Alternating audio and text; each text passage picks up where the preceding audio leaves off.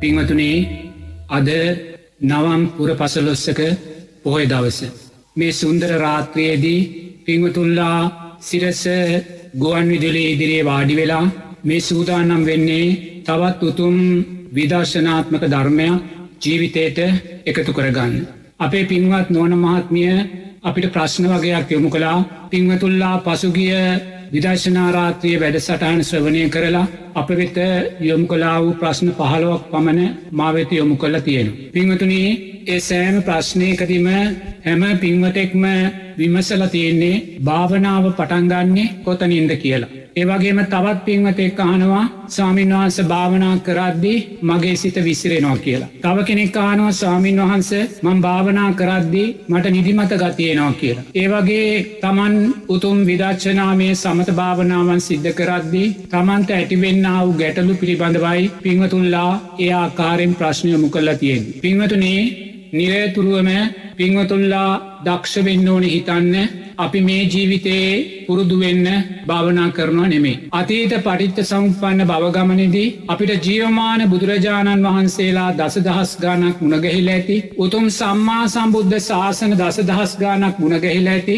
අපි ඒ සෑම සම්බුද්ධ ශාසනයකදිම මේ උතුම් සමත විදර්ශනා ධර්මයන් ජීවිතවලට එකතු කරගෙන ඇති. එනිසා පිංහතුනී එවන් අතීත පටිච්ච සමුපන්න දැනීම් රාසියක් අපේ පරිත්ත සම්පන්න විඤ්ඥානයන් තුළ බැසගෙන තියෙනවායි කියෙන කාරණය පිංහතුල්ලා සිහිපත් කරගන්න ඕනේ. පිංහතුනී මේ සෑම ප්‍රශ්නයක්ම කියවල බලද්දි ඒ සෑම ප්‍රශ්නයක්ම මතුවෙලා තියෙන්නේ පටිච්ච සමුපාද ධර්මයන් පිළිබඳව පිංවතුල්ලා අවධානය යොමු නොකරන නිසාය කියලයි භික්ෂුවට නම් තේරෙන්. ලෝතුරා බුදුරජාණන් වහන්සේ දේශනා කරනවා පටිච්ච සමුපාද ධර්මයෝ ජීවිතයට එකතු නොකර ගැනීම නිසාම අපි හැමෝගේම ජීවිතය අවුල්ලු නූල් බෝලයක් බවට පත්වෙලා තියෙනවා. එනිසා අපි තාම උතුම් සෝවාන් පලය සාක්ෂාත් කරගෙන නැත්තං පිංහතුනේ අපි නිහතමානී වෙන්න ඕනි තේරුම් ගන්න අපි පටිච්ච සමුපාද ධර්මයන් ජීවිතයට එකතු කර නොගැනීම නිසාම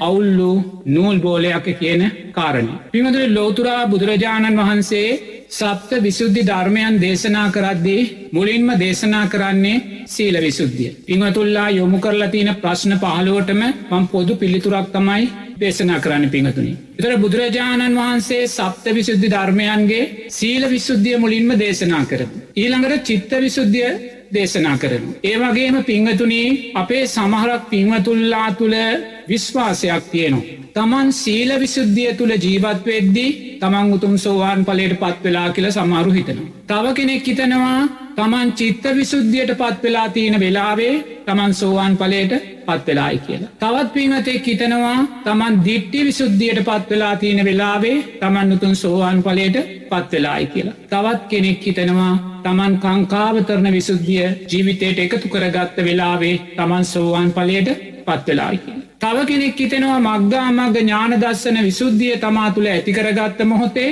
උතුම් සෝවාන් පලයට පත්වෙලාකි. පිංහතුනේ අපි නිහත මානීව හිතන්න දක්ෂවෙන්න ඕනේ අපි මක්ගා මග්ග ඥානදස්සන විසුද්ධිය ඇතිකර ගනිද්දී තමයි අපි මාර්ගය නිවැරදිව හඳුනාගත්තවෙන්න. එතොර බලන්න අපි මාර්ගය නිවැරදිව හඳුනාගන්න ඉස්සෙල්ලා කඩයින් කීයක් පහු කරන්න ඕනෙද සීල විසුද්ධිය පව් කරන්න ඕනේ චිත්ත විසුද්ධිය පහු කරන්න ඕනේ දිට්ටි විසුද්ධිය පව් කරන්න ඕනේ පංකාවතරණ විසුද්ධිය පහු කරන්න ඕනේ. ඊට පස්සේ තමයි මක්ගා මග්ග ඥාන දස්සන විසුද්ධිය ළඟට අපි පිඟතුන ඒත් අපි තම සෝහන් පලට පත්වෙලා නැහැ ඒක හොඳින් තේරුම් ගන්නවා. එතොට සීල විසුද්ධියට පෙරාතුව අපි ලෞකික ප්‍රඥාව ඇති කරගත්ත කෙනෙක් වෙන්න ඕනි. එකන සම්මා දිටි සම්මා සංකප්පයන් අපේ ජීවිතය තුළ තියෙන්න්න ඕනි. ඒ ලෞකික ප්‍රඥාවේ ශක්තියයි. ඒ ලෞකික ප්‍රඥාවෙන් පෝෂණය වූ සීල විසුද්ධියයි අපිව අනිවාර්යෙන්ම ඥාන දර්ශන විසුද්ධිය කරා කවදාහරි අරගෙන යන්. එනිසා පිංහතුනේ භාවනා කරන්නේ අද්දි කලබල වෙන්න එපා. කලබලකාරී සිතක් සකස්වෙනවනං ඒ සෑම බොහොතක මේ සිත පස්ස පච්චයා වේදනා පස්සේ නිසා සකස් වූ විදීමක් කියන තැන හිතලා එක්කො එක චිත්තානු පස්සනාවෙන් අයින් කළ දාන්න. එම නැත්තන් දම්මානු පස්සනාවෙන් අයින් කළ දාන්න. අයින් කළ දාලා නිරේ තුරුවම ඔබ දක්ෂ වෙන්න. සප්ත විසුද්ධි ධර්මයන්ට අදාළව පිංහතුනී මේ භාවනාවේ ලබන ප්‍රතිඵලයන් ගැන ජීවිතයට අවබෝධයක් ලබාගන්න. එතොරම මුලිමකුව ඔබ සීල විසුද්ධියෙන් ශක්තිමත් එන්න ඕනේ දැන් ඔබ බලන්න ඔබ භාවනා කරන කෙනෙක් නං ඔබ සමත විදර්ශනා වඩන කෙනෙක් නං හිත විසිරෙනවා කියනවා නින්ද යනවා කියනවා තව කෙනෙක් කියනවා බිය වෙනවා කියලා තව කෙනෙක් කියනවා අමනුෂ්‍ය රූප පේනවා කියලා එතොර පිංහතුනි අපිට මෙවැනි තත්ත්වයන්ට මූුණ දෙන සිද්ධ වෙන්නේ අපි මේ මාර්ගය නිවැරදිව ජීවිතයට එකතු කරගෙන නැහැ නියතමානී වෙන්න. කොයිම වෙලාකුවත් භාවනාවේදී තමා තමාට ලකුණු දෙන්න යන්න එපා. නිරේතුරුවම තමා බින්දුවට දාලායි භාවනාවෙන් නැකී සිටින්න ඕන්. එනිසා සීල විසුද්ධිය ගැන හිතන්න සීල විසුද්ධියට පෙරාතුව ඔබ බලන්න ඔබේ ජීවිතේ ලෞකික ප්‍රඥාවට අදාළ සම්මා දිට්ටි ආර්ථයන් ඔබ තුළ ශක්තිමත්ද කියලා සම්මා සංකප්පයන්ගේ ආර්ථයන් ඔබ තුළ ශක්තිමත්ද කියලා එදෙක හොඳින් බලන්න ඕන. තෙරුවන් කරේ සද්ධාව තෙරුවන් කරේ සද්ධාව කියන් මොකක්ද. බුදුරජාණන් වහන්සේ දේශනා කලා වූ මාර්ගය නිවැරදිව විකෘතීන්ගෙන් තොරව අපේ ජීවිතයට අප ඒකතු කර ගන්න. බුදුරජාණන් වහන්සේගෙන් බැහැර මාර්ගෝල්ට යන්න පිංහතු. මොද වර්තමාන සමාජයේ අප්‍රමාණ බුදුරජාණන් වහන්සේ දේශනා නොකලා වූ මාර්ගයන් කරා ගමන් කරන. අපි උතුම් සෝවාන් පලය සාක්ෂාත් කරගන්න වෙලාවේ පිංහතුනී අපේ ජීවිතයට එකතුන එක ධර්මතාවයක් තමයි තෙරුවන් කෙරේ වූ අචල සද්ධාව. සෝවාන් පලට පත්වෙන වෙලාවේ. තොට තෙරුවන් කෙරේ වූ අච්චල සද්ධාව කියන්න පිංහතුනි ලෝතුරා බුදුරජාණන් වහන්සේගෙන් බැහැර ධර්මයක් ජීවිතයට එකතු කරගන්නේ නැහැ. දර තේරුම් ගන්න ඕනේ ලෝතුරා බුදුරජාණන් වහන්සේගෙන් බැහැර බුදුරජාණන් වහන්සේ දේශනා නොකළ ධර්මයක් ජීවිතයට එකතු කරගන්නේ නැහැ. පිංවතුනේ භික්ෂුවක් හැටියට මම මගේ ජීවිතයට එකතු කරගත්ත උතුම් ධර්මයක් තිී නොනගේ ලෝතුරා බුදුරජාණන් වහන්සේ දේශනා කලා වූ ධර්මයමයි. එනිසා බුදුරජාණන් වහන්සේ සතර සරිපට්ඨාන සූත්‍රයේදී ආනාපාන සති සූත්‍රයේදී කයගතා සති සූත්‍රයේදී මේ ආකාරයෙන් භාවනාවට අදාළව දේශනා කරලා තියෙන්න්නා වූ සූත්‍ර ධර්ම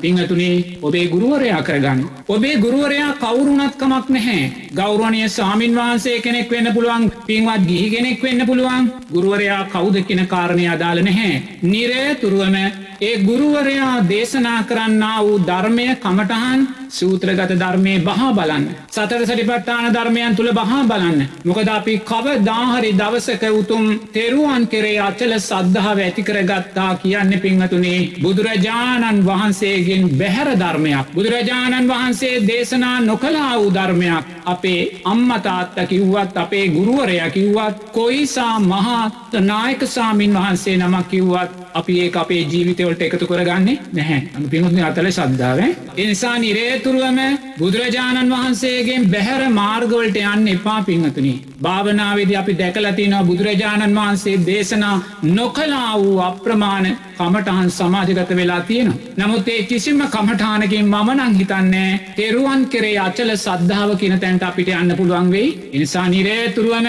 බුදුරජාණන් වහන්සේ දේශනා කලා උතුම් සතර සටිපට්ඨාන සූත්‍රය ඔබේ භාවනාවේ ගුරුවරයා කරගන්න පිංහතුනි. එම ගුරුවරයා කරගෙන නිරේතුරුව දකින්න බුදුරජාණන් වහන්සේ සප්ත විසුද්ධි ධර්මයන්ට අදාළව දේශනා කළ තියෙනවා. මුලින්ම එයා ලෞකික ප්‍රඥාව තුළ ශක්තිමත්වෙන කෙනෙක් වෙන්න ඕනේ. එයා තුළ තෙරුවන් කරේ සද්ධාව තියෙන්න්න ඕනේ බුදුරජාණන් වහන්සේගේ බැහැර ධර්මයන්ට යන්න එපා.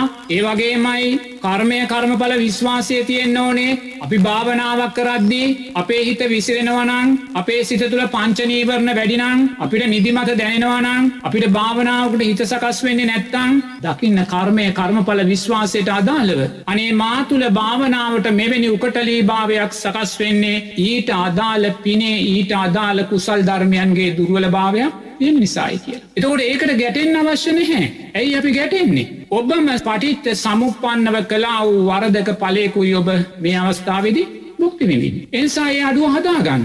ඒවගේම පටිච්ච සමුපන්න උපතක් පිළිබඳ විශ්වාසය තියෙන්න්න ඕනේ. ළඟ ජීවිතේ මම සතරාපායකට වැටෙන්න්න පුළුවන් බවාත්‍රයේ තවත් උපතකට යන්න පුළුවන්. එනිසා මම කෙසේ හෝ මගේ ජීවිතය අවම වශයෙන් උපරිමාත්ම භාව හතකටවත් බවගමනේ සීමා කරගන්නවා කියෙන සම්මාධිප්‍ය අර්ථය තියෙන්නවා. අම්මා තාත්තාගේ ගුණයන් පිළිබඳ විශ්වාසය තියෙන්න්න ඕනේ.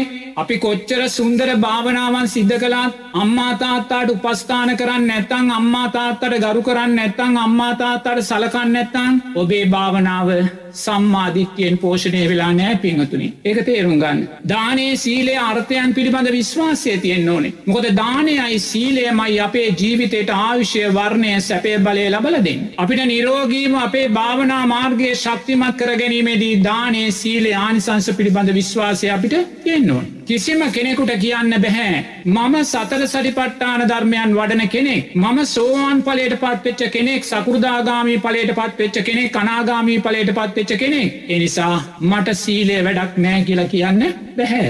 මට දන්දීම වැඩක් නෑ කියලා කියන්න බැහැ. අනාගාමී උග්‍ර ගෘහපතිතුමාත් අනාගාමී වේලු කණ්ටගේ නන්ද මාතාවත් පිංහතුනේ අප්‍රමාණ සංඝ්‍ය ආරමුණු කරගෙන දන් දුන්නා. තුර මේ විශ්වාස තියෙන් ඕනේ ඒවගේ ඕපපාතික උපතක් තියෙනවා කියන විශ්වාසය අපිට තියෙන් ඕනේ ඕපපාතික උපතක් තියෙනවා මගේ ජීවිතයෙන් මංගේ ඕපපාතික උපත නිරෝධය කරනවායි කියන විශ්වාසය අපිට තියෙන් ඕනේ මම උතුම් සෝවාන් පලට පත්වෙච්ච ඕපපාතික දෙවියෙක් වෙනවා කියන විශ්වාසය අපිට තියෙන් ඕනේ. ඒ වගේ මයි පිංහතුනේ මේ ජීවිතේදී උතුම් චතුරාර් සත්‍ය ධර්මයන් දකින්න අවබෝධ කරගැනීමේ ශක්තිය තියෙනවා කියන විශ්වාසය ඇම්බ භාවනා කරද්දි මේ විශ්වාසයන්නේම තියෙනවාද. පිංහතුනේ අපි කුමන භාවනාවක් සිද්ධ කලා. එය සතර සරිපට්ඨාන ධර්මයන් වෙන්න පුළුවන් එය සක්මන් භාවනාවක් වෙන්න පුළුවන් ඒ සෑම භාවනාවකති පිංහතුනේ අපි තුළ ආර්යෂ්ඨාංගික මාර්ගය වැඩෙන්න්න තොඳර තේරුම්ගන්න. සතර සටිපට්ටාන ධර්මයන් තුළත් අපේ ආර්ෂ්ඨාංගික මාර්ගය වැඩෙන් ඕනි මොකද නිවන් මාර්ගය උතුම් ආර්ෂ්ඨාංගික මාර්ගය. අපි ලෞකික ආර්ෂ්ඨාංගික මාර්ගයේ ගමන් කරලා සම්මා සමාධිමත් හිතක් ඇතිකර ගත්තර පස්සේ ආර්යෂ්ඨාංගික මාර්ගය අපිට අවශ්‍ය නෑ කියල නංහිතන්න එපා. ආර්යෂ්ඨාංගික මාර්ගය අපේ සෑම භාවනා කමටහත් තුළද අපි තුළ වැඩෙන් ඕනි. ඔබ සතර සරිපට්ටාන ධර්මයන් තුළදී ඔබ තුළ නිරේතුරුවම පින්වතුනී ආර්යෂ්ඨාංගික මාර්ගය වැඩෙන් ඕනි. තෙරුවන් කරේ සද්ධාව වැඩෙන් ඕනි විදර්ශනාත්මකව. තෙරුවන් කරේ සද්ධහා වැඩෙද්දි ඔබ ඔබේ භාවනාවේදී ඔබ කව දාක්වත් පින්වතුනී බුදුරජාණන් වහන්සේගෙන් බැහැර කමටහනකට යන්නේ ඔබයන් යන්නේ නැහැ. ඔබේ භාවනාව තුළ සම්මා සංකප්පයන් වැඩෙන් ඕනේ. ඔබ භාවනා කරන මොහොතේ ගැටෙන සිතක් ඇතිකරගන්නවානම් දැම් මේ ප්‍රශ්න ගොඩයකම පින්වතුල්ලා ලියලෙවල තියෙනවා භාවනා කරද්දී ගැටෙන සිත් ඇති වෙනවා කියලා. භාවනා කරද්දී පංචනීවරණ ඇති වෙනවා කියලා. භාවනා කරද්දී දේශය ඇති වෙනවා කියලා. එමනම් ඔබේ සතර සරිපට්ටාන ධර්මයන් තුළ සම්මා සංකප්පයන් තිබිලා නැහැ. සම්මා සංකප්පයන් තිබිල නැහැ. ඔබේ සතර සරිපට්ටාන ධර්මයන් තුළ සම්මාධිත්‍යය තිබිලා ඒ අංගයන් දුර්වලවයි තිබිල තියෙන පිඟතුනි. ඒ නිසා කුමන භාවනාවක් ඔබ සිද්ධ කළත් ඔබ මේ මොහොතේ දෑස් පියාගෙන උතුම් කායානු පස්සනා වැඩුවත් ඒ කායානු පස්සනාව වඩන මොහොතේ පිංහතුනි මුළු ආර්යෂ්ඨාංගික මාර්ගයම විදර්ශනාත්මක ඔබ තුළ වැඩෙන් ඕනි. විදර්ශනාත්මක ඔබ තුළ වැඩෙන් ඕනි. එනිසා අපි කවදාහරි දවසක උතුම් ආර්යෂ්ඨාංගික මාර්ගයෙන් බැහැරට යන්නේ කවදාහරි උතුම් චතුරාර් සත්‍ය අවබෝධ කරගන්න. ඉන් පස්සේ බුදුරජන් වහන්සේ දේශනා කරනවා ඒ ආර්යෂ්ඨාංගික මාර්ගය අපි කරේතියාගෙන යන්න අවශ්‍ය නැහැ. මොකද ආර්යෂ්ඨාංගික මාර්ගය තුළින් අපි ගන්න තියෙන උතුම් පලය අපි ජීවිතයට ලබලයි තියන්නේ. ආර්යෂ්ඨාංගික මාර්ගය කෙරෙහි සත්පුරුෂ භාවෙන් කෘතවේදී භාවෙන් දැකීම පමණක් මයිදාට අපිට අවසානිතුරු වෙන්. එන්සා නිරේතුරුවම භාවනා කරන කෙනා ලෞකික ප්‍රඥාව කරේ හිතයොමු කරන්න සම්මා සංකප්ප කේන්ති ගන්න එපා ඉන්සාකාරී සිතුවිලි ඇති කරගන්න එපා ලෝබදේශ මෝහයන් ඇති කරගන්න එපා. මුදට හිතන්න ඔබ භාවනාව කරේ ලෝබ සිත්තියෙනවනේද මේ භාවනාවේදී ඔබේ සිත ගැටෙන්නේ භාවනාව කරේ ඔබ තුළ ලෝබ සිත්තියෙනව නිසානේද එනිසා ඔබල් භාවනාව කරේ ලෝබසිත් ඇතිකරගන්න මොහොතක් පාසාම පින්වතුනේ සම්මා සංකප්පයන් ඔබේ තුරින් දුර්වල වෙන තියෙන. එනිසා එතකොට ඔබ ලෞකික ප්‍රඥාවෙන් දැන් සීලේට යනවා. සම්මා වාචා සම්මා කම්මන්තෝ සම්මා ආජීවෝ. භික්‍ෂූන් වහන්සේලානං උතුම් ප්‍රාතිමෝක්ෂ සීලය වගේම සාමනයට දසසීලය එතෝට මේ අංග තුනෙන් තමයි අපේ සීල විසුද්ධිය ඇතිවෙන්න පිංහතුන්. එතෝට සීල විසුද්ධියයේදී ගිහි පින්මතුල්ලානං ආජීවට්ටමක සීලය තුළ ශක්තිමත් වෙන්න ඕනේ. ඒවගේම ඉන්ද්‍රිය සංවර සීලය ඇතිවෙන්න ඕනේ. භාවනා කරන වෙලාව විතරක් භාවනා කමටහන තුළ ඉඳල හරියන්නේ නෑ. නිරේතුරුවම අපි එදිනෙදා සෑම කටයුත්තක් කරද්දිම පිංහතුනේ ඉන්ද්‍රීය සංවරය කියන කාරණය නිරේතුරුවම අපි තුළ තියෙන ඕනේ. ඇහෙන් රූපයක් දැකලා අපි අපේ මනසා සංවර කරගන්නේ නෑ. පනින් ශබ්දයක් අහලා අපි මනසා සංවර කරගන්නේ නෑ. අපි නිරේතුරුවම දිවෙන් නාසයෙන් ශරීරෙන් ස්පර්ශයක් දැනීමක් ලබලා අපි මනස අසංවර කරගන්නේ නෑ. නිරේසුරුවම ඉන්ද්‍රීය සංවර සීලය තුළ ශක්තිමත් වෙන පිංහතුනි සෑම මොහොතකම ඔබේ ආයතන හය පිංවතුනේ මධ්‍යස්ත ස්භාවෙන් ධර්මානුකූලුව තියාගන්න ඔබ දක්ෂවෙන්. ඒවගේම නිරේතුරුවම බුදුරජාණන් වහන්සේ සීල විශුද්ධියයට අදාළව කියන්නේ ආජීවට්ටමක සීලය අපි තුළ තියෙන්න්න ඕනේ. දෙවනුව පිංහතුනී ඉන්ද්‍රිය සංවර සීලය අපි තුළ තියෙන්න්න ඕනේ. තුන්ගෙනුව ප්‍රත්්‍යක්ෂා සීලය. ගොඩාත් දුරුවලයි අපේ සමාජයේ භාවනා කරන පිංවතුල්ලා තුළත් ප්‍රත්්‍යක්ෂා සීලය බොහොම දුරුවලයි. අපි පරිහරණය කරන සිව් පසේ වහන්සේ පිංහතුනේ සිහිනුවනින් පරිහරණය කරන්න ඕන්. ඔබ ගන්න ආහාරපාන ඇඳුම් පැළඳුම් නිවාස ඉඩකඩං බෙහෙත්තේත් පිංහතුනී මේවා නිරේතුරුවම සිහිනුවනින් පරිහරණය කරන්න ඕන මේ සෑම දෙයක්ම අපි පරිහරණය කරන්නේ දෙතිස් කුණුපේක පෝෂණය උදෙසායි කියන දැක්ම අපිට තියෙන් ඕනි. මේ සෑම දෙයක්ම පරිහරණය කරන්නේ සතර මහා ධාතුවක ඇටසැකිල්ලක මරණානුස්සතියක අනිත්‍ය වූ ඉරියව් පවත්වන කයක පෝෂණය උදෙසායි කියන දැක්ම හැම වෙලාම තියෙන් ඕන පිංහතු. ඔබ ඇඳුමක් අඳිනවනං ඔබ කමිසයක් අඳිනවනං කලිසමක් අඳිනවනං නිරේතුරුව මේ අඳින මොහොතේ අනේ මේ ඇඳුම මං අන්දන්නේ ඇට සැකිල්ලකට කියන කාරණය දකිමින් අදින්න. මේ ශරීරයට මං කෑම කවන්නේ බෙහෙත්හේත් දෙන්නේ අනේ මරණානුස්සතියකට දෙතිස්කුණුපේකට සතර මහා ධාතුවකට අට්ටික සංඥාවකට කියන කාරණය දකිමින්ගේ දේ කරන්න. පිංහතුනේ නිරේතුරුවම ප්‍රත්වේක්ෂා සීලය තුළින් ඔබව ප්‍රමාණුකූලව සංහිදුනා වූ මනසකින් භාවනාවට යොමු කිරීමේ මාර්ගයෝකට පාදල දෙන. ඉළඟට සම්මා ආජීව සීලය වැරදි ආජීවයන්ට යන්න එපා බලවත් ආකාරයේ වැරදි ආජීවයන් සමාජය තුළ තියෙනවා ඒ වැරදි ආජීවයන්ගෙන් බැහැර වෙලා ආචීව අට්ටමක සීලය තුළ ඔබ ජීවත්වෙනවා වගේම පිංහතුනී ඔය අන්න සීලවුතයන් යන්ත්‍රමන්ත්‍ර ගුරුකම් මේ පැතිවලට ඔබ ඇදිල ගියොත් පිංහතුනී අවම වශයෙන් සීල විසුද්ධිය තබා ඔබ තුළ ලෞකික ප්‍රඥාවත් දුර්වල වෙලා යන් තෙරුවන් කෙරේ සද්ධාවදා යන. එනිසා නිරේතුරුවම භාවනා කරන්න පෙරාතුව දැන් ඔබ ලෞකික ප්‍රඥාව තුළ අවධානයොමු කලා ඊළඟට ඔබ දැන් සීල විසුද්ධිය ගැන අවධානයොමු කලා ඊළඟට චිත්ත විසුද්ධිය ඇති කරගන්න. සිතේ පිරිසිදු භාවය. එතොට සිතේ පිරිසිදු භාවය කියන සම්මා වායාමෝ සම්මා සති සම්මා සමාධි කියන්න වූ කාරණ තුන ආරෙෂ්ඨාංගික මාර්ගයට අදාළු. එන නිරේතුරුව සම්මා වායාමයන් තුළ ඔබ ජීවත්වෙන කෙනෙක් වෙන. සම්මා වායාමයන් ඔබේ ලෞකික ප්‍රඥාවෙන් පෝෂණය වෙලා තියන්න ආජීව අටමක සීලයෙන් පෝෂණය වෙලා තියන්නේ ඒ සුන්දර සම්මා වායාමයන් තමයි ඔබට උතුම් සම්මා සතිය සකස් කරලා පිංහතුනේ සම්මා සතිය තමයි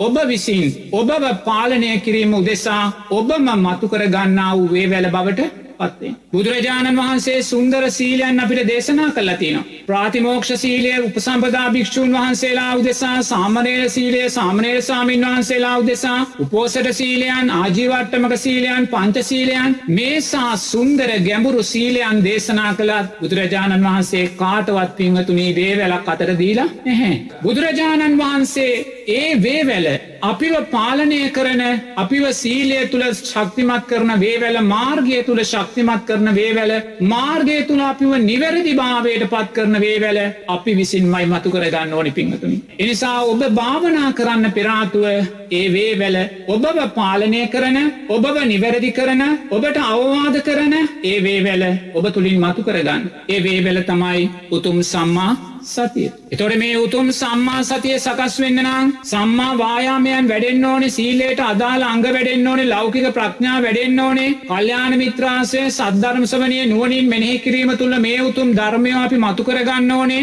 එනිසා පිංහතුනේ තමාව පාලනය කරන තමාව ධර්මමාර්ග ශක්තිමත් කරන වේ වැල තමා තුළින් මතු කරගන්න. භාවනාවේදී අපි දුරුවල වෙනවනං ඒ කියන්නේ භාවනාවේදී අපේ පාලනයෙන් අපිව බැහැරට යනවනං අපි තාම අපිව පාලනය කරන වේ වැල් අතට අරගෙන නෑ පිංහතුනි. එසා වේවැල් අතරගන්න ඔක්කොමට මිස්සෙල්ලා. ඒ වේවැල තමයි උතුම් සම්මා සතිය. එයා කුසලය කුසලේ හැටියට අඳුරනවා. අකුසලේ අකුසලේ හැටියට අඳුරනවා. එයා අකුස්සලයෙන් බැහැර වෙලා කුසලේ තුළ ශක්මත් වෙන කෙනෙ. එයා සීලය සීලේ හැටියට දුස්සීල භාවේ දුස්සීල භාවය හැටියට නිවැරදි අඳුරනවා. එයා දුස්සීල භාවෙන් බැහැර වෙලා සීලය තුළ ශක්මත්වෙනවා. එයා සම්මාධිට්්‍යය මිත්‍යා දෘෂ්ටිය නිවැරදිව අඳුනනවා. එයා සම්මා මාර්ගය මිච්චා මාර්ගය නිවැරදිවේ අඳුනනවා. අඳුරල්ල සම්මා මාර්ගය තුළ ශක්තිමත් වෙන කෙනෙ බවට පත්වෙනවා. එනිසා නිරේතුරුවම සම්මා සතිය කියන වේවැලෙන් තොරව පිංහතුනේ අපිට මාර්ගය ප්‍රශ්නවලින් තොරවනං ඉස්සරහට යන්න බැ. අපි නිවැරදි ඉලක්කයට යොමු කරන ඒ වේවැල තමයි සම්මා සතිය කියන්න. සම්මා සතිය කියන වේවල අතර ගත්තට පස්සේ පිහතුනී ළඟට අපි තුළ සකස්සේ නිවතුම් සම්මා සමාධී. ඒ තමයි චිත්ත විසුද්ධියට අදාලෝ සුන්දර ධර්මතාවයන්. නමු චිත්ත විසුද්ධිය ඇති කරගෙන. දැන් ඔබ තුළ සම්මා සමාධිමත් හිතක් තියෙනවා. ඔබේ සම්මා සමාධිමත් හිතෙන් පිංහතුනී ඔබ සතල් සටිපට්ටාන ධර්මයන් වඩනවා. නමුත් ඔබ හිතන්න එපා ඔබ උතුම් සෝහන් පලට පත්වෙලා කිය. පියවර තියනවා පින්වතනේ තුනක් ඉස්සරහට යන්න. එනිසා මේ චිත්ත විසුද්ධිය කියන ප්‍රාථමික පියවරේදී ඔබ කවදක්වත් මම සෝවාන් වෙලා කියලනං හිතන්න යන්න එපා. ඒම සිතුවිල්ලක්කාවොත් ඒ සිත පස්ස පච්චයා වේදනා පස්සේ නිසා සකස් වූ විඳීමක් කියල දම්මානු පස්සනාවෙන් ඒ සිතුවිල්ල සෝදලා දාන්. දාල නිරේ තුරුවම චිත්ත විසුද්ධිය තුළින් දිට්ටි විසුද්ධිය මතු කරගන්න. දැක්ම පිරිසිදු කරගන්න පින්හතුනි. භාවනා කරන්න ඉස්සෙල්ල දැක්ම පිරිසිදු කරගන්න ඕන. බුදුරජන් වහන්සේ සම්මා සමාධිමත් හිතක් ඇතිකරගත්තට පස්සේ. ඒකැන චිත්ත විසුද්ධිය සම්පූර්ණ වෙන තැනදී දිට්ටි විසුද්ධියයි දේශනා කරන්න. දැඟන දැක්ම පිරිසිදු කරගන්න. අපේ දැක්ම අපිරිසිදු වුණොත් පින්වතුනේ අපිට කව දක්වත් නිවැරදි දැක්ම අපිට ඇති කරගන්න බැහැ. අපි රූපය නිත්‍යයි කියලගන්නවා. වේදනාව නිත්‍යයි කියලගන්නවා. හඳුනා ගැනීම නිත්‍යයි කියලගන්නවා. සංස්කාර නිත්‍යයි කියලගන්නවා. විඤ්ඥානය අපි නිත්‍යය කියලා අරගෙන මේවා මමය මගේ මගේ ආත්මය කියලා අපි අරගන්නවා. මෙ තුළ බැස්සගෙන ඉන්න පින්හතුනි. දැම මේ භාවනාවේදී අපිට සිද්ධ වෙලා තියෙන එක තමයි. දැම් මහත් එක් ඇවිල්ල කියනවා ස්වාමීන් වහන්ස මං පැවිදි වෙන්න ඉන්නේ. නමුත් ස්වාමීන් වහන්ස පැවිදි ජීවිතයට අදාළ තාමයේ චිත්තය මට සකස් වෙන්නේ නැහැ. මං භාවනා කරනවා භාවනා කරනවා ස්වාමීන් වහන්ස මට තාමයක ප්‍රතිඵලයක් නැහැ. දැම් මේ මොකක්ද කියන්නේ. පිංහතුනේ මම කියන මම කියන දැඩි ආත්මීය තැනඉඳල පිංහතුනේ යා භාවනාව දකිනවා. එයා අයාගේ පැවිදි භාවය දකිනවා. එයා අයාගේ භාවනාවේ දුර්වල භාවය දකිනවා. මේ සෑම ධර්මයක්කයා මමත්වේ දැඩිභාවයෙන් පෝෂණය කරන පිංහතුනි. කවදක්වත් එයාට භාවනාවේ ප්‍රතිඵලයක් ලබන්න පුළුවන්ද. අපි මේ මම කියන ධර්මතාවේ පටිච්ච සමුපාදය තුළ විසරෝල දකිින් නැත්තං. මේ අවිද්‍යා පච්චයා සංකාරා සංකාරපච්චයා විඤ්ඥානන් කියන ධර්මතාව තුළ අපි විසුරල දකිින් නැත්තං. අපි නිරේතුරුව මම කියලා ගන්නවන. මගේ හිත විසිරෙනවා. මට නින්ද යනවා. මගේ භාවනාවේ ප්‍රතිඵලයක් නැහැ. මට අමනුෂ්‍යරූප පේනවා.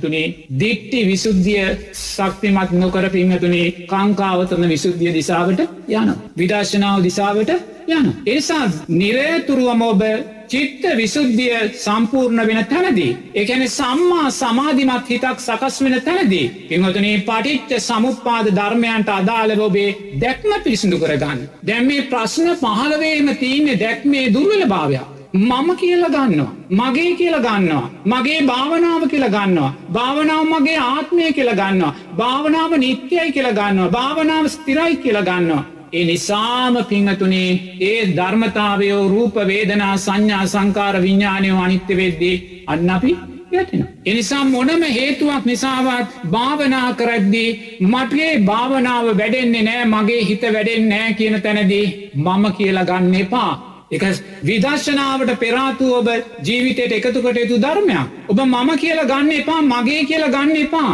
ඔබ නිරේතුරුවම මම කියලා හිතද්දිම අටිච්ච සමුපාදය තුළ විසුරුවන්න ජීවිතේ. අවිද්‍යාපච්චයා සංකාරා. සංකාරපච්චයා විඤ්ඥානන් විඤ්ඥානපච්චයා නාම රූපන් පිංහතුනේ පටිච්ච සමුපාද ධර්මය තුළ විසරමත්දේ ප්‍රශ්න විසඳලා. ඔබට පටිච්ච සමුපාද ධර්මය තුළ විසරෝත් පමණයි විදර්ශනාත්මකෝ ඉදිරියට යන්න පුළුවන්. එම නැත්තං ඔබ මෙතන මම මම මම කියලා පිංහතුනේ සෑම දෙයක්ම මම කියන ගිනුමට දාලා ඔබේ දිට්ටි විසුද්ධිය දුර්වල දිට්ටි විසුද්ධිය දුර්වල කරගත්ත තැනදී අනිවාර්යම පිංවතුනේ ඔබේ විදර්ශනා ධර්මයෝ වැඩෙන්නේ සක්කාය දික්තිය වැඩෙන දිසාවට. මයි. එනිසා නිරේතුරුවම ඔබ ලෞකික ප්‍රඥාවෙන් ශක්තිමත්නං ඔබ සීල විසුද්ධිය තුළ ශක්තිමත් වෙන්න ඕනේ සීල විසුද්ධිය තුළ ඔබ ශක්තිමත්නං ඔබ තුළ චිත්ත විසුද්ධිය ශක්තිමත් වෙන්න ඕනේ ඔබ තුළ තාමත් සම්මා සමාධිමත් හිතක් නැත්තං. කරුණා කරලා චිත්ත විසුද්ධිය කෙරෙයි ඔබේ අවධානය යොමු කරගන්න. සම්මා වායාමෝ සම්මා සති සම්මා සමාධි ධර්මතාවයන් කෙරෙයි අවධානයොමු කරගන්න. ඒ වගේ ඔබේ සීල විසුද්ධියයේ දුර්වලතාවයන් තියෙනවනම් කරුණාකර ඔබේ ඒ සීලයට අදාළ අපි රකින්නා වූ ආජීවාට්ටමක සීලයන් ඒවගේම ඉන්ද්‍රිය සංවර සීලයන් ඒවගේම ප්‍රත්වේක්ෂා සීලයන් ඒ වගේම පින්වතුනේ සම්මා ආජීව සීලයන් ජීවිතය තුළ ශක්තිමත් කරගන්න. කලබල වෙන්න එපා කලබල වෙන්න හිත හැම වෙලාම පින්වතුනේ භාවනාවට සුන්දර කමටහනක් කරගන්න. බුදුරජන් වහන්සේ දේශනා කරනවා අධික වීර්යත් හීන වීර්යත් සහ දිට්්‍යයට මාර්ගයක් මයි කියල පින්නතුනි. එසා මධ්‍යස්ත වීරය තුර ඉදිරියට යන්න. මධ්‍යස්ත වීරිය තුර ඉදිරියට යද්දී ඔබ සම්මා සමාධිමත් හිතක් ඇති කරගෙන.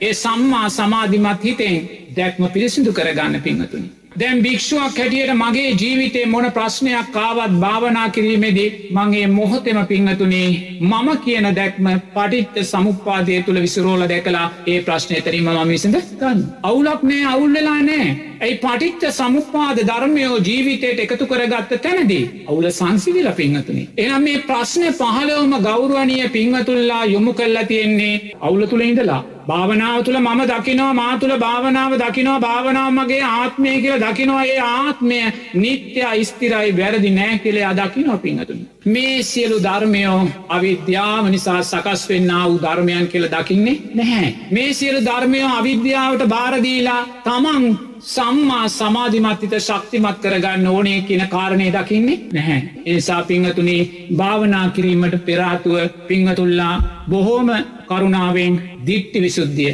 දැක්ම පිරිසිදු කරගන්න. දැක්ම පිරිසිදු කරද්දේ පටිච්ච සමුපාද ධර්මයන් තුළ නිරේතුරුවම ජීවිතය විසරෝල දකින්න පුහුණු වෙන්න පිංහතුන්. අවිද්‍යාපච්චයා සංකාරා. බුදුරජාණන් වහන්සේ අවිද්‍යාව කියල දේශනා කරනිකුමත්ද චතුරාර් සත්ව නොදැනීම. එයා දුක කියන කාරණය නිවැරදිව දන්නේ නෑ ජාති ජරා ව්‍යාධි මරණ දුක කියන්නේ දුක්ක සත්‍ය කියලයා දන්නේ නෑ දුකට හේතුව තුෂ්නාව කියන කාරණයා නිවැරදිව දන්නේ නෑ දුක නැති කරන්න නම් තුෂ්නාවයි නැති කරන්න ඕනේ කියන කාරණයා දකින්නේ නැහැ. ඒ නිසාම භාවනාවේදී තුෂ්නාවෙන් අපි භාවනාව හබායනවා. එතකොට මේ දුක නැති කරන තුෂ්නාව නැති කරන මාර්ගය ආර්යෂ්ඨාංගික මාර්ගය කියලා අපි දකින්නේ නැහැ. අන පිඟතුනේ අවිද්‍යාව. අපි කවදාහරි දවසක මේ අවිද්‍යාව පරිපූර්ණ වශයෙන් නිරෝධය කරන්නේ උතුම් චතුරාර් සත්‍ය අවබෝධ කරගන්න දවසේ. එනිසා දැම් මේ අවිද්‍යාව කියන චතුරාර් සත්‍ය නොදැරීම නිසා මොකක්ද අපි කරන්න පිංහතුනේ. අපි සංස්කාරයෝ රැස් කරනවා. සංස්කාරයෝ කියන්නේ කුසල් සහ අකුසල්. පිංහතුනී සාරා සංක කල්ප ලක්ෂ සියක් කෝටි ප්‍රකෝටි ගානක් පටිච්ච සමුපන්නව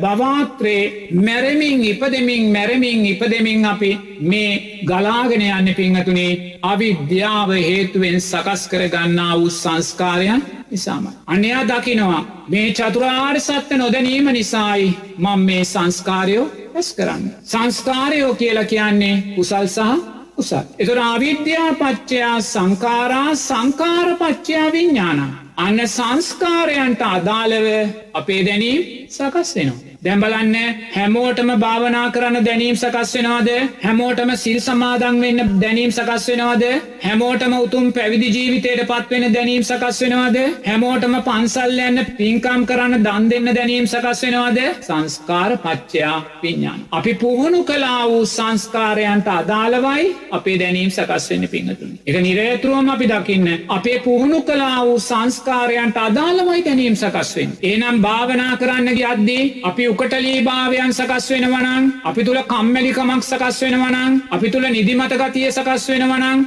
ඉංහතුනේ තේරුම් ගන්න ඕනේ ඒ ඇතිවෙන්න වූ බාධාව මම කියල ගන්න එපා. ඒ ඇතිවෙන්න වූ බාධාව මගේ කියල ගන්න එපා. ඒ ඇතිවෙන්න වූ බාධාව මගේ ආත්මය කියල ගන්න එපා. ඒ ඇතිවෙන්න වූ බාධාව සංස්කාරපච්චයා විඤ්ඥාන. මම හිස් කලා පින්හතුනි. මම හිස් කරලා දිට්ටි විසුද්ධිය ඇති කරගන්නවා. දැක්ම පිරිසිදු කරන දෙයන මෙතන මම නැහැ. මම නෙමේ මේ දිට්ට විසුද්ධියදී අපි මතු කරලා දකින්නේ. මම කියන ආර්ථය නෙමේ අවිද්‍යාව හේතුවෙන් සකස් වෙන්න වූ සංස්කාර. සංස්කාර හේතුවෙන් සකස් වෙන්න වූ දැනීම් විඤ්ඥාන අන්න පිංහතුනි සුන්දර ධර්මයක්. එනිසා භාවනා කරද්දි මේ මතුවෙන සෑම ප්‍රශ්නයකදිම සෑම බාධාවකදිම පිංහතුනේ පිංහතුල්ලා මමත්වේ දැඩි භාවයම ජීවිතයට මමම කියල මේ හැම දෙයක්ම ගන්න. මගේ භාවනාව සාර්ථක නෑ මගේ භාවනාව ප්‍රතිඵලයක් නෑ මටතාම පැවිදිවෙන්න බැරිවුණා තුනේ මම කියලා ගන්න යන්න එපා.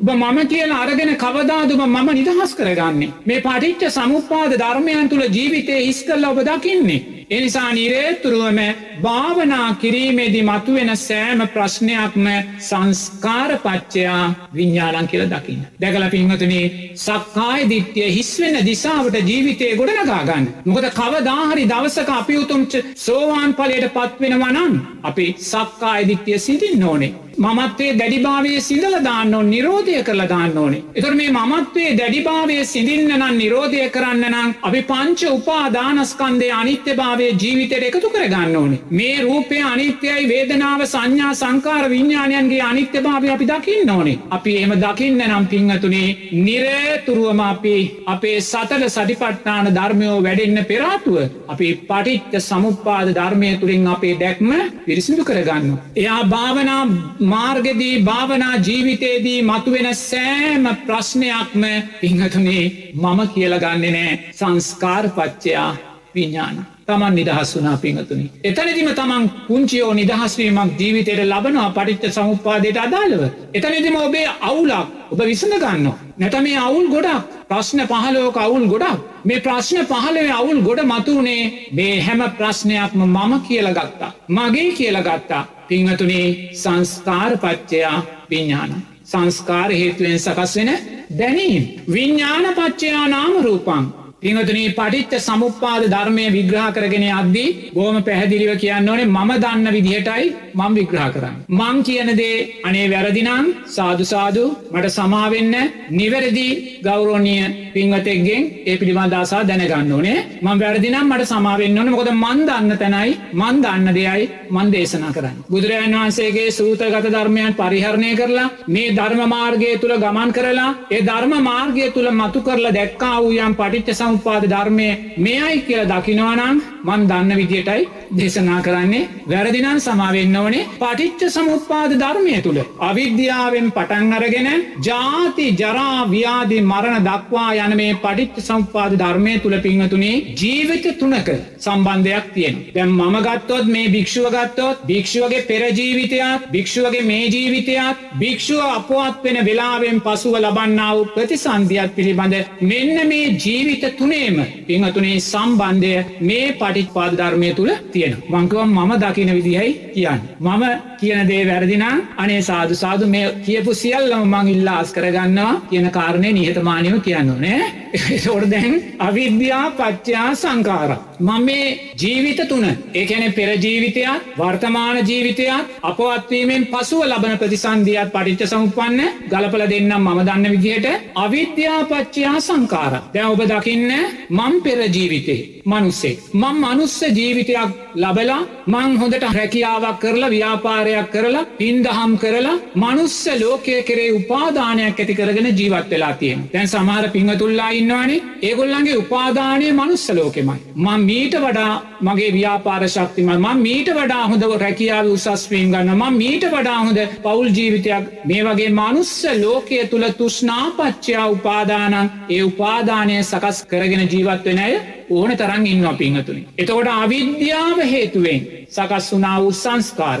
අවිද්‍යාව නිසා රැස්කර ගත්තා වයාගේ කුසල් සංස්කාර හේතුවෙන් මට ගිය ජීවිතේ මරණාසන්න මොහොතෙදී. උපාදානය සකස් වෙන මනුස්සලෝකේ. තෙරනාද උපාදානය සකස් වෙන්නේ මනුස්සලෝකේ ඊට අදාළව මගේ පංචසීලය ආජීවට්ටමක සීලය ශක්තිමත් වෙලා තියෙනවා මාතුළ මෛත්‍රී ධර්මයන් මාතුළ දානමය ධර්මයන් ශක්තිමත් වෙලා තිබෙනවා ඒ නිසාම පින්වතුනේ මොකද වුණේ අවිද්‍යාව හේතුවෙන් සකස් වනා වූ සංස්කාර නිසා. මොකද මංගිය ජීවිතේ සංස්කාර සංස්කාර අනිත්‍යයි කියලා දැකලා හෝ අවබෝධ කරලා නැහැ. සංස්කාර මමය කියලා ගත්ත කෙනෙ. සංස්කාර මගේ කියලා ගත්ත කෙනෙ. සංස්කාර මගේ ආත්මය කියලා ගත්ත කෙනෙ. එහෙම අරගෙන මරණාසන්න මොහොතේ මගේ සිතේ මතුනා වූ අවසාන පංචුපාදානස්කන්දේදි මතුනා වූයේ කුසල් සිත නිත්‍ය වශයෙන් අරගෙන ඒ සංස්කාරපච්චයා විඤ්ඥාන. ඒ කුසල් සිතට අදාළව සකස් වුන දැනීම පිංහතුනේ කුමත් දැනීමද මනුස්ස ලෝකය කෙරෙයූ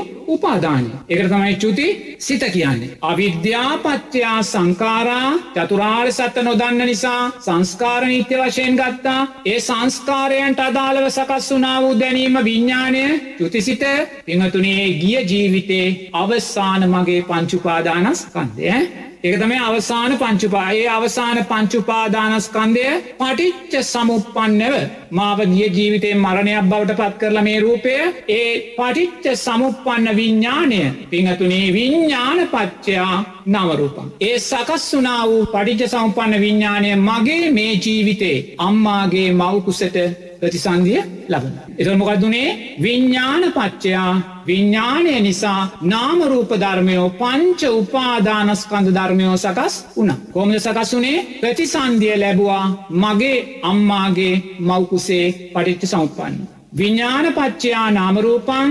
පංචුපාදානස්කන්ධ ධර්මයෝ ඉපදුනා අය සංස්කාරයන් සකස් වුනා දැන් කල්ලරූපය මවකුසට බැහලතින්නේ කල්ලරූපය දැන් ගැහෙනවා මෙච්චර වෙලාවක් කල්ලරූපය නිකම් මස් වැදල්ලක් වගේ අම්මගේ පැලෝපිය නාලෙ තිබ්බේ මෙතෙක් වෙලාවක් මස් වැදල්ලක් වගේ තිබ්බ පැලෝපි නාලේ තුබ තිබ්බේ කල්ලරූපය අර පටිච්ච සමුපන්න විඤ්ඥානය බැස ගැනීමත් සමගම දැන් ගැහෙනවා පිංහතුනි කාය සංස්කාරයෝ සකස් වෙනවා. පංච උපාදානස්කන්ද ධර්මයෝ මුල් වතාවට කලල රූපය තුළ ප්‍රතිසන්දිය සකස් කරගත්තා. ඒ පංචුපාදානස්කන්ද ධර්මයෝ නාම රූපපච්චයා සලාහිතන. ඒ පංචුපාදානස්කන්ද ධර්මයන් නිසාම පිංහතුනේ මේ කලල රූපය නිරේතුරුවම සති හයක් කතක් කටක් යද්දී බුදුරජාණන් වහන්සේ දේශනා කරනවා තම්බපු බිත්තරයක් වගේ ගනව වැඩිලා මේ ආයතන හය සකස් වුණ වෙනවායි කියලා. මේ ඇස කණනාසේ දිව ශරීරය සකස් වෙනවායි කියලා බුදුරජන් වහන්සේ දේශනා කරන තකොට දැන් ඒක කොමද සකස් වුනේ? අවිද්‍යාපච්චයා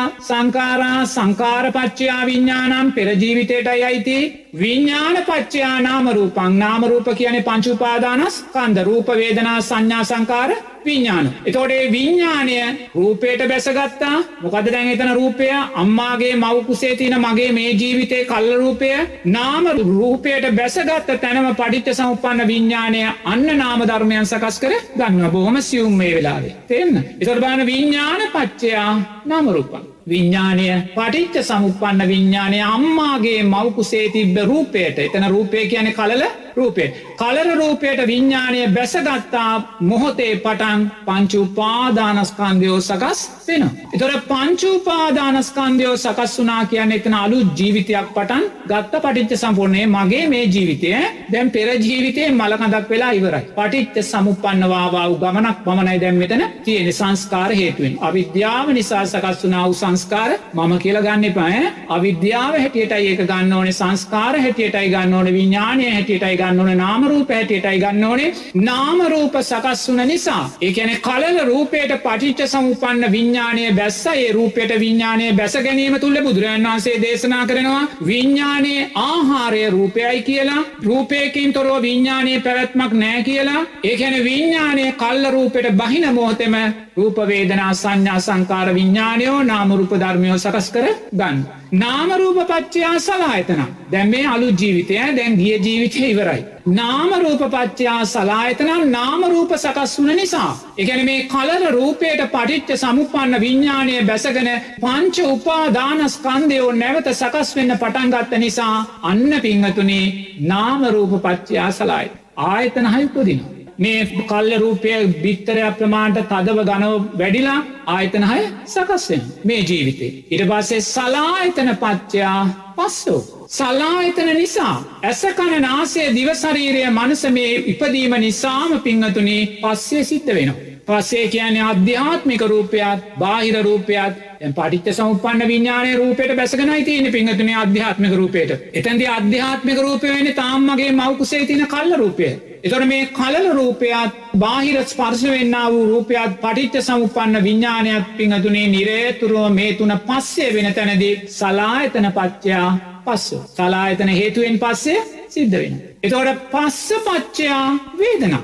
පස්සේ සිද්ධ වෙන තැනදී. අපි විඳීම ඇති වෙනවා. විඳීම කියන්නමකක්ද සැපවේදනාව දුක්වේදනාව උපේක්ෂාසාගත විදීම දැන් මේ ජීවිතය ගැනයි මම කියන්නේ. දැන් සලායතන ඉපදුන ගැමන් ඇසෙන් රූප දකිනවා මවකුසේදිනං ඇසෙන් රූප දැකීමක් වෙන්න ඇස වැහිලයි තියෙන්නේ නමුත් කණට ශද්ධ ඇහෙනවා මනසස් දැනීම් දැනෙනවා එනිසා නිරේතුරුවම ඒ මවකුසේ තියන කලල රූපය බාහිර රූපය ස්පර්ශය වෙලා නිරේතුරුවම විඳීම් ඇති වෙන. ඒ දරුවාට දැනෙනවා. අම්මා සැර බෙහෙතක් ගත්තොත් ඒ දරුවාට ස්පර්ශය දැනෙනවා. අම්මාට කවරුවරි ගැහුවොත් දරුවාට ස්පර්ශය දැනෙනවා. අම්මා නරක ආහාරයක් ගත්තොත් ඒ දරුවාට ස්පර්ශය දැනෙනවා. ඇයි දැනුනේ සලායතන පච්චයා පස්සෝ. සලායතන ඉපදිලා ඉතින්නේ මවකුසේ. සලායතන පච්චා පස්සු. එතකොට දැන් අම්මාගේ මවකුසේ අර මුල්ම අවස්ථාවදිබේ කල රූපෙට වුණාද කල්ල රූපෙට ඔය දිසි දෙයක් වුණේ නෑ කල්ල රූපෙට පස්සේ දැනුන්නේ ඒ කලලයට පටිච්ච සමුපන්න විඤ්ඥානය බැසගෙන ඒ රූපයට පටිච්ච සමුපන්න විඤ්ඥානය බැසගැනීම නිසා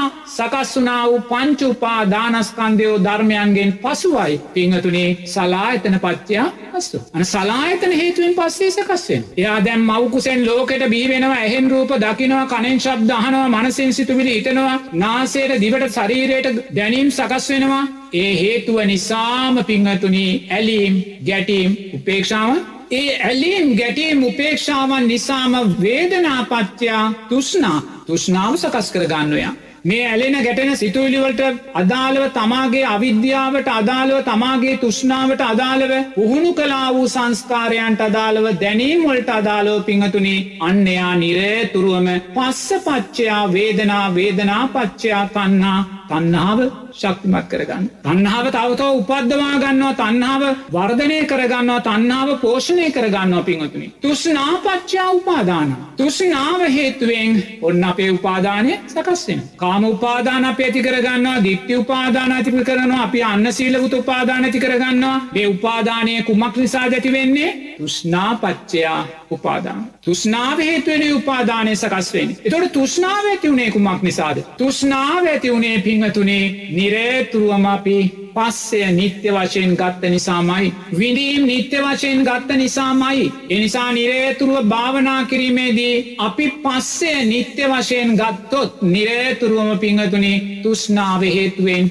බැඳියාම් ඇති වෙනවා මයි පිංහතුනි. එනිසා භාවනා කරද්දී පස්සේ සකස්වෙන්න වූ සෑම දැක්කා ඇසුනා දැනුනා කියන දැනීම් ඒ මොහොතේ මානිත්‍යය කියල දකින්න චිත්ත අනුපස්සනාවේ. එම නැතන් දම්මානුපස්සනාවෙන් දකින්න පස්ස පච්චයා වේදනා පස්සේ නිසා සකස් වූ විඳීම. එමනැතම් මේ අධ්‍යාත්මික රූපයයි බාහිර රූපයයි පටිච්ච සමුපන්න විඤ්ඥානය හේතුවෙන් සකස් වුනා වූ අනිත්‍ය වූ පස්සයක් කියල දකින්න. අධ්‍යාත්මික රූපය අනිත්‍යනම් බාහිර රූපය අනිත්‍යනම් පටිච්ච සමුපාන විඤ්ඥානය අනිත්‍යනං පස්සේ නිත්‍ය වෙන බෑ පිංහතුනේ. එනිසාමේ දකින්නදේ ඇසෙනදේ දැනනදේ නිත්තයි කියලා ගන්න එපා. ඔබට භාවනා කරද්දී නිදිමත දැනෙනවනං ඔබට භාවනා කරද්දී වෙහෙස දැනෙනවනං ඔබට භාවනා කරද්දී කම්මරිකන් දැනෙනවනං උපටලීකන් දැනෙනවනම් භාවනා කරද්දී වෙන වෙන දේවල් ඇහෙනවනං දැනෙනවනම් පිංහතුනේ නිරේතුරුව දකින්න මේ දේවල් සිද්ධ වුණේ කුමක් ඇසුරෙන්ද. මේ පස්සේ සිද්ධ වුණේ කුමක් ඇසුරෙන්ද. අධ්‍යාත්මික රූපයත් බාහිර රූපයත් විඤ්ඥානයක් වනේ එකතුවයි පස්සය අධ්‍යාත්මික රූපය අනිත්‍යයි බාහිර රූපය අනිත්‍යයි පටිච්ච සම්පන්න විඤ්ඥානය අනිත්‍යනං මේ පස්සය නිත්‍ය වශයෙන් ගන්න එපා. ආයිමත් භාවනාවේ ප්‍රශ්න ඇති කරගන්න එපාවබ. ඔබට භාවනාවේදි ප්‍රශ්න ඇති වෙන්නේ මේ දැක්ම තාම පිරිසිදුයි පිංහතුනි. දැක්ම අපිරිසිදුයි කියන තාම අපි අවුල් භාවනාවේදී. ඒ අවුල ලිහන්නේ පටිච්ච සංපාද ධර්මයන් තුළින් කියලා බුදුරජාණන් වහන්සේ දේශනා කරනවා. එනිසා භාවනාවේදි මේ සකස් වෙන සෑම ප්‍රශ්නයක්ම ඔබ මේ පටිච්ච සමුපාද ඊට අදාළ ධර්මතාවයන් තුළ විසරෝලා ප්‍රශ්න පටිච්ච සම්පාදයට බාර දෙන්න පිංහතුනි. ඒ ප්‍රශ්නඔබ මමය කියලා ගන්න එපා ඒ ප්‍රශ්නොබ මගේ කියලා ගන්න එපා ඒ ප්‍රශ්න ඔබේ ආත්මය කියලා ගන්න එපා අරගෙන ඔබ භාවනාව පටලෝ ගන්න එපා. පින්වතුනි තාම අපි ඉන්නේ දිට්ඨි විසුද්ධියේ. තාම කාංකාවතන විසුද්ධියට ගිහිල්ලා නැහැ. තාම මග්ගා මග්ග ඥාන දර්ශන විසුද්ධියට ගිහිල්ලා නැහැ. දැඟුව පටිච්ච සමුපාද ධර්මය තුළ ජීවිතය විසිරුවල දැක්ක කියලා ඔබ හිතන්න පස් ඕවන් පලිට පත් වනා කියල. තව යන්න අධිර දෙකක්ති න මක්ගාමක් ඥාන දසන විසෘතියට මාර්ගය හඳුනගන්න මාර්ගය හඳුනගත්තා කියනවත් අපි සෝවාන් පලිට පත් වෙලා නෑ අපි ප්‍රතිපදා ඥාන දස්සන විසුද්ධියට යන්න ඕනෙ සෝවාන් පලට පත්වෙන්න එනිසා කලබල වෙන්න එපා. ඒ කලබල වෙන සිත ඇම වෙලාම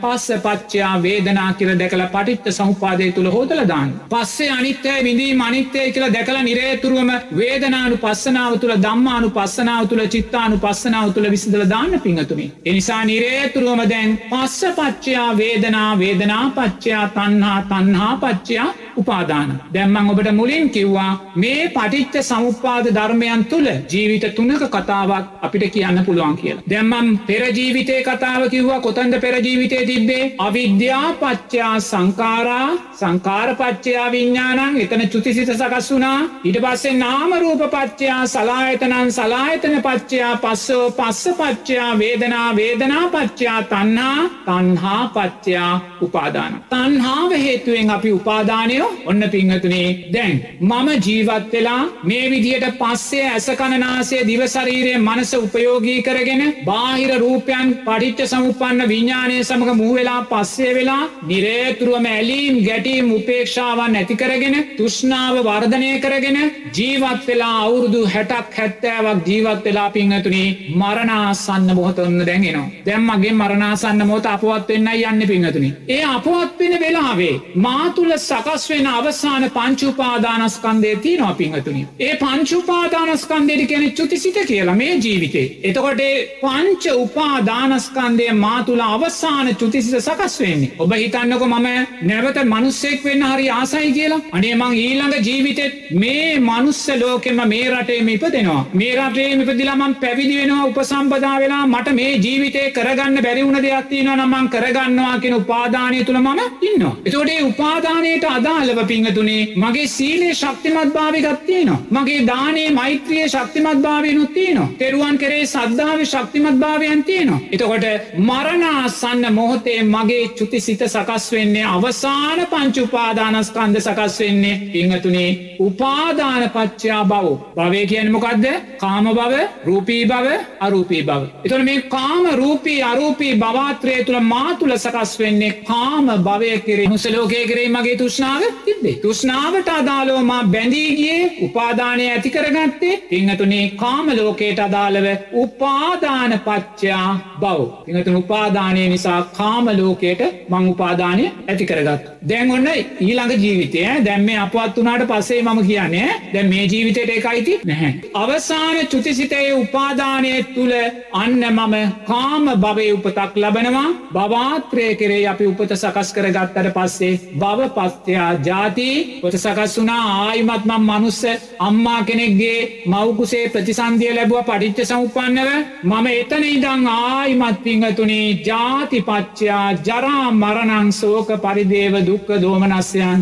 ඒ දුක කරගහගෙන දැකොතන මම ඔබට මතක් කලා පටිච්ච සෞපාද ධර්මයන් තුළ ජීවිත තුනක කතාවක් මම දකිනවා කියලා. මුල් ජීවිතේ තමයි පෙරජීවිතේ තමයි අවිද්‍යාපච්චයා සංකාරා සංකාරපච්චයා විඤ්ඥානං ඒ පටිච්ච සමුපන්න විඤ්ඥානය කල රූපෙට බැහසා ඒ රූපය ඇසුරෙන් නැවත පස්සේ සිද්ධවීමෙන් අන්නායිමත් පංචුපා දානස්කන්ද ධර්මයෝ හේතුවෙන් සලායතන සකස් වුනා සලායතන පච්චයා පස්සෝ පස්ස පච්චයා වේදනා වේදනා පච්චයා තන්නා තන්නා පච්චයා උපාදානන් මේ ජීවිතය ඉවරයි. අවසාන චුතිසිත උපාදානයට අදාළව බවාත්‍රේ පොත සකස් වුනා ආයි මජ්‍යාති ජරාව්‍යාදි මර. පිංහතුනිය කොතනෙකවත් මමය මගේ මගේ ආත්මය කියල ගන්න දෙයක් තිබ්බේ නැහැ. එනිසා නිරේතුරුව පිංහතුනේ භාවනා කරන පින්වතා මෙන්න මේ දැක්ම පිරිසිදු කරගන්න. දැක්ම පිසිදු කරගන්න. පටිච්ච සමුපාද ධර්මයන්ට අදාළ ඔබේ ජීවිතය විසිරෝල දකින්න දක්ෂ වෙන්න හැවෙලාම් පිහතුනි. පටිච්ච සමුපාද ධර්මයන්ට අදාළ ඔබේ ජීවිතය විසිරෝල දකිද්දී ඔබට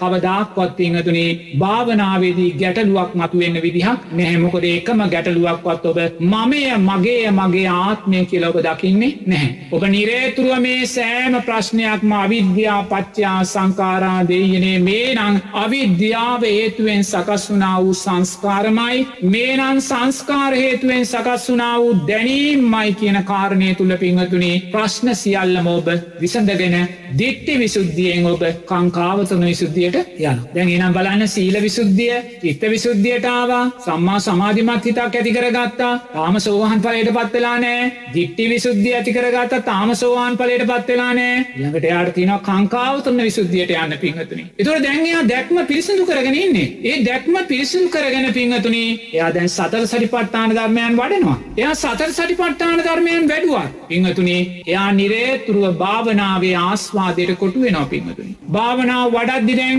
යාට දැක්ම පිරිසිදුයි චිත්ත විසුද්ධියත් ඇති වෙලා තියෙන දිට්ටි විසුද්ධිය තුළයා ඉන්නවා. එයා දැන් නිරේතුරුවම සතර සටිපට්ටාන ධර්මයන් වඩනවා. සතර සටිපට්ටාන ධර්මයන් වැඩේ දිපිංහතුනේ සුන්දර ආලෝක සංඥාවන්යා දකිනවා. සුන්දර ආලෝක සංඥාවන් සුදු පාටයි කියනවා නිල් පාටයි කියනවා කහපාටයි කියනවා පොඩි කියනවා ලොකුයි කියනවා. ඒක කෙනා එකේකාකාරේ සාමින්නාස මම භාවනා කරන්න කියල මම පැය කාලක් ආලෝක සංඥාව මම සුවසේ විඳිනවා කියනවා. මොකද මේ කියන්නේ? සුවසේ විඳිනවා. ඒ කියන විඳිනවා කියන්න පින්වතුනේ පස්ස පච්චයා වේදනා වේදනා පච්චයා තන්හා භාවනාව තුළ තන්හාවයි උපදවා ගන්නේ. සමාරගෙන ස්වාමින්වාස භාවනා කරද්දි අමනුස්ස රූප පේනවා. දැම්මට ලස්සන ලස්සන දෙවියෝ දිව්‍යාංගනාව පේනවා ස්වාමින්වාස මම හැම දාම භාවනා කරන්න දෙවියෝ දකිින්. පංකාවතරන විසුද්ධිය පිංහතුනේ. සතර සටිපට්ටාන ධර්මයන් වැඩුවත් ආස්වාදයට අපි කොටු වෙලා. ආස්වාදයට අපි කොටු වෙලා පිංහතුනේ දික්ටි විසුද්ධිය ඇතිකර ගත්තත් අපේ සතර සටිපට්ටාන ධර්මයෝ පිංහතුනේ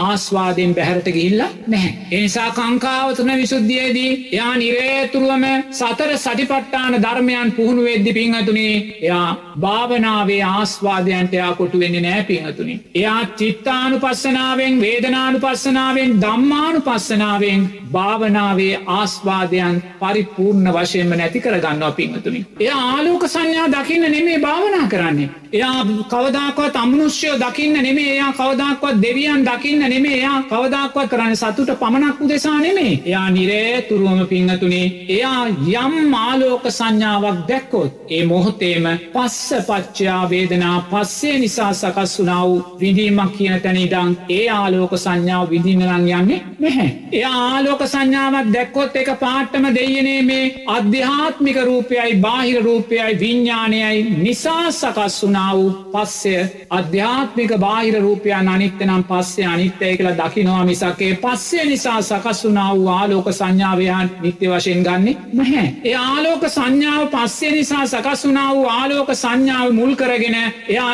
විදීමකට යන්නේ නැහැ. හඳුනා ගැනීමකට යන්නේ නැහැ. තවත් සංස්කාරකට යන්නේ නැහැ. ඒ සංස්කාරයන්ට අදාළව විඤ්ඥානයන් සකස් කර ගන්න තැනට යන්නේ නැහැ. අන පින්වතුනේ කංකාවතරන විසුද්ධියයේදී යා භාවනාවේ ආස්වාදයට කොටු වෙච්ච කෙනෙක් වෙනවා. එනිසා මේ ප්‍රශ්න පහළුවක් යොමු කල්ල තියෙනවා ඒ පින්වත් මහත්මිය ඒ ප්‍රශ්න පහළුවෙන් ගොඩක් ප්‍රශ්න පිංහතුනේ භාවනාවේ ආස්වාදයට කොටු වනාව ප්‍රශ්න. එනිසා මොනම අවස්ථාවකවත් ඔබ භාවනා කරද්දි පිංහතුනේ මම භාවනා කරන්නේ උතුම් සෝවාන් පලය සාක්ෂාත් කර ගැනීම උදෙසා කියලා චිත්තයක් සකස් වුණත් වහා මේ සිත චිත්තාන් පස්සනාවෙන් හෝදලදාන්න. වහා මේ සිත දම්මානු පස්සනාවෙන් දකින්න පස්ස පච්චයා වේදනා කියලා. ඔබ භාවනා කරන වෙලාවේ ඔබ තුළ සිහිතක් සකස් වුණොත් දැන්නම් හොදට භාවනා වැඩෙනවා අනේ අදනම් මගේ භාවනාව හුඟක් සාර්ථකයි කියලා පිංහතුනිය ඔබ භාවනාව තුළ නැහැ එක හොඳට තේරුම් ගන්න. ඔබ කියනවනම් අනේ මං මෙච්චරත් භාවනා කලා මට ප්‍රතිඵලයක් නැහැ කියලා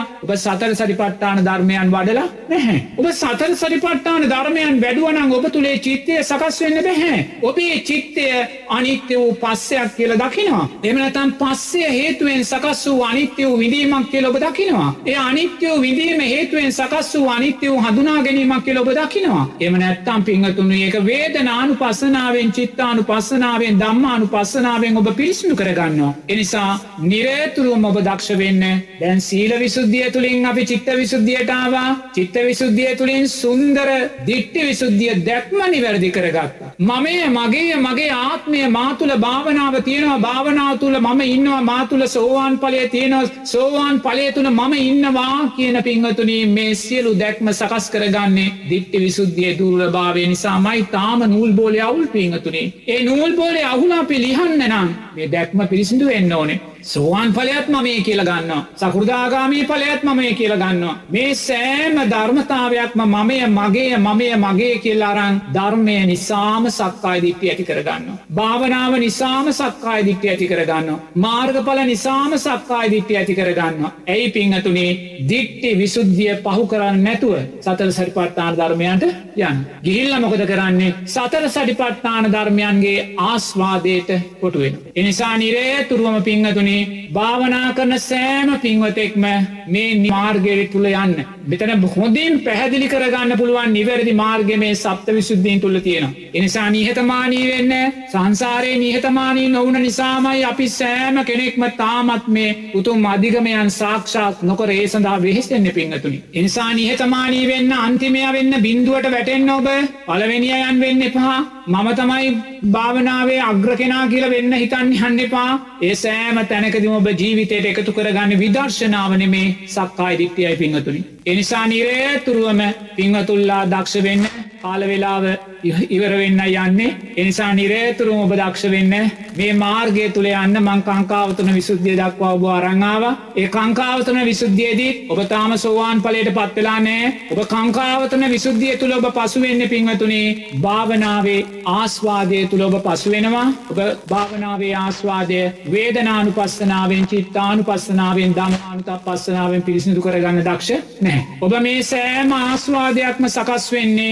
අනිත්‍ය වූ රූපයයි අනිත්‍ය වූ අධ්‍යාත්මික බාහිර රූපයන නිසාත් අනිත්‍ය වූ පටිච්ච සමුපන්න විඤ්ඥානය නිසාත් කියෙන කාරණය ජීවිතයට එකතු කරගන්නේ නෑ. එනිසා නිරේ තුරුවම කංකාවතන විසුද්ධියයේදී අපි ආස්වාදයන්ට කොටු වෙනවා ඒ කංකාවතන විසුද්ධියයේ ආස්වාදයන්ට කොටුවීමට ඔබ නැවත ලක්වෙන්නේ පාපිංහතුනි. එනිසා භාවනාව තුළ සකස් වෙන ඔය සෑම ආස්වාදයක්ම සතුටක් ඇති වෙනවා කියන ප්‍රීතියක් ඇති වෙනවා කියන සතුටක් ප්‍රීතියක් ඇති වුණනාං අනිවාරයම ඔබ මොකක්ද කරන්න ඕනි වේදනානු පස්සනාවෙන්ගේ සතුට ප්‍රීතිය අනිත්තය කියලා දකින්න. දම්මානු පස්සනාවෙන්ගේ සතුට ප්‍රීතිය පස්ස පච්චයා වේදනා පස්සේ අනිත්‍යයි විදීම් අනිත්‍යයි කියලා දකිින්. ඔය කොතනින් හෝ පිංහතුනේ අපිට පුළුවන් මක්ගා මක්ග ඥාන දස්සන විසුද්ධිය ඇති කර ගන්න. ඔබ මෙතන පැටලිලා සංඥාවට එහෙමත් නැත්තම් නිදිමතට එහෙමත් නැත්තම් අමනුෂ්‍ය රූපවලට එහෙමත් නැත්තම් දිව්‍ය රූපවලට එහෙම නැත්තම් මාව පාවෙනවා උද යනවා කියන ධර්මයන් තුලට පින්තුණි අපිට කවදාක්වත් මග්ගා මග්ග ඥාන දර්ශන විසුද්ධියට නම් යන්න හම්බ වෙන්නේ ඈස් දෙක පියාගන්න. මේ සිරස ගුවන් ඉදිරියේ වෛදිරියේ වාඩි වෙලා මේ සුන්දර නවම් පුරපසළොස්සක පොය දවසේ මේ උතුම් විදර්ශනාමය රාත්‍රිය ශ්‍රවණය කරන වෙලාවි පිංහතුනි මොහොතක් දෑස් දෙක පියාගන්න. මොහොතත් දෑස් දෙක පියාගෙන නිවේතුරුවම ඔබේ රූපයට හිත යොමු කරන්න. මේ රූපය සතරමහා ධාතුවක් මේ රූපය අට්ටික සංඥාවක් මේ රූපය දෙතිස් කුණුපයක් මේ රූපය මරණානුස්සතියක් මේ රූපය අනිත්‍ය ඉරියව් පවත්වන කයක් හැටියට දකිමින් ජීවත්වෙන්න ඒ දකිමින් ජීවත්වන වෙලාවේ ඔබ තුළ කිනම් හෝ සිතුවිල්ලක් ඇති වුණොත් ඒ සිතුවිල්ල චිත්තානු පස්සනාවෙන් අනිත්තය කියල දකින්න. ඔබ තුළ කිනම් සැපහෝ දුක් උපේක්ෂා විඳීමක් ඇතිවුණොත් ඒ සැපදුක් උපේක්ෂා විඳීම වේදනානු පස්සනාවෙන් අනිත්තය කියල දකින්න ඔබේ ජීවිතය තුළ ඔබේ භාවනාව තුළ කිනම් ධර්මතාවයන් මතුනත් පිංහතුනී ඒ අලසකම වේවා ප්‍රීතිය වේවා සැපය වේවා මේ සෑම ධර්මතාවයක් මානිත්‍ය වූ ධර්මතාවයන් කියල දකින්න. ඒකක්ම නිත්‍ය වශයෙන් ගන්න එපා. ඔබ මේ සියලු ධර්මතාවයන් අනිත්‍ය වශයෙන් දකිද්දි පින්නතුනේ කවදාක්වත් පංච උපාදානස්කන්දය කරේ බැඳීම ඇති කරගන්නේ නැහැ ඔබ පංච උපාදානස්කන්දේ අනිත්‍ය දැක්ක කෙනෙ බවට පත්වෙනවා. අවබෝධාත්මක. ඔබ පංච උපාදානස්කන්දේ අනිත්‍ය භාවය දකින මොහොතේ ඔබ තුළ තෙරුවන් කරේ අචල සද්ධාවත් සීල ආර්සීලටත් වැඩිලා උතුම් සෝවාන් පලේ සාක්ෂාත් කරගන්න. එක පින්වත් මහත්තෙක් එක ප්‍රශ්නකින් අහල තිබ්බා මුලින්ම අවබෝධ වෙන්නේ පංචුපාදානස්කන්දය අනිත්‍ය භාවද නැත්තම් අචල සද්ධාවන නැත්තං ආරය සීලදකිල්. ඔය කාරණා තුනම්ම පිංහතුනේ ඔය එතනකම් කවදක්වත් ඕක අවබෝධ වෙන්නේ නම් දර තේරුම් ගන්න. ඔබේ හිත ප්‍රශ්න කළොත් සෝවාන් පලට පත්වෙන වෙලාවේ මුලින් අවබෝධ කරන්න පංචුපාදානස්කන්දය අනිත්‍ය භාවද හෙමත් නැත්තම් ආර්ය සීලද හෙමත් නැත්තම් අචර සද්ධාවද කියන කාරණය අවදාක්වත් ඔබට සෝවාන් පලටම් පත්වෙන්න බෑ ඔය ගැන හිත හිටියෝ. ඔය සිත චිත්තානු පස්සනාවෙන් අනිත්‍යය කියල දකින්න. පස්ස පච්චයා වේදනා කියලා අනිත්‍යය කියල දකින්න. අවිද්‍යා පච්චයා සංකාරා සංකාර පච්චයා විඤ්ඥානන් සංස්කාර හේතුවෙන් සකස් වෙන අනිත්‍ය වූ දැනීමක් කියලා දකින්න. පිංහතුනේ ඔබ පංච උපාදානස්කන්දේ අනිත්‍ය භාවයයි දකින්නේ. පංච උපාදානස්කන්දේ අනිත්‍ය භාවය ඔබ ජීවිතයට එකතු වෙන මොහොතේ. අචල සද්ධාවත් ආරසීලයක් ස්වංක්‍රියව ඔබේ ජීවිතයට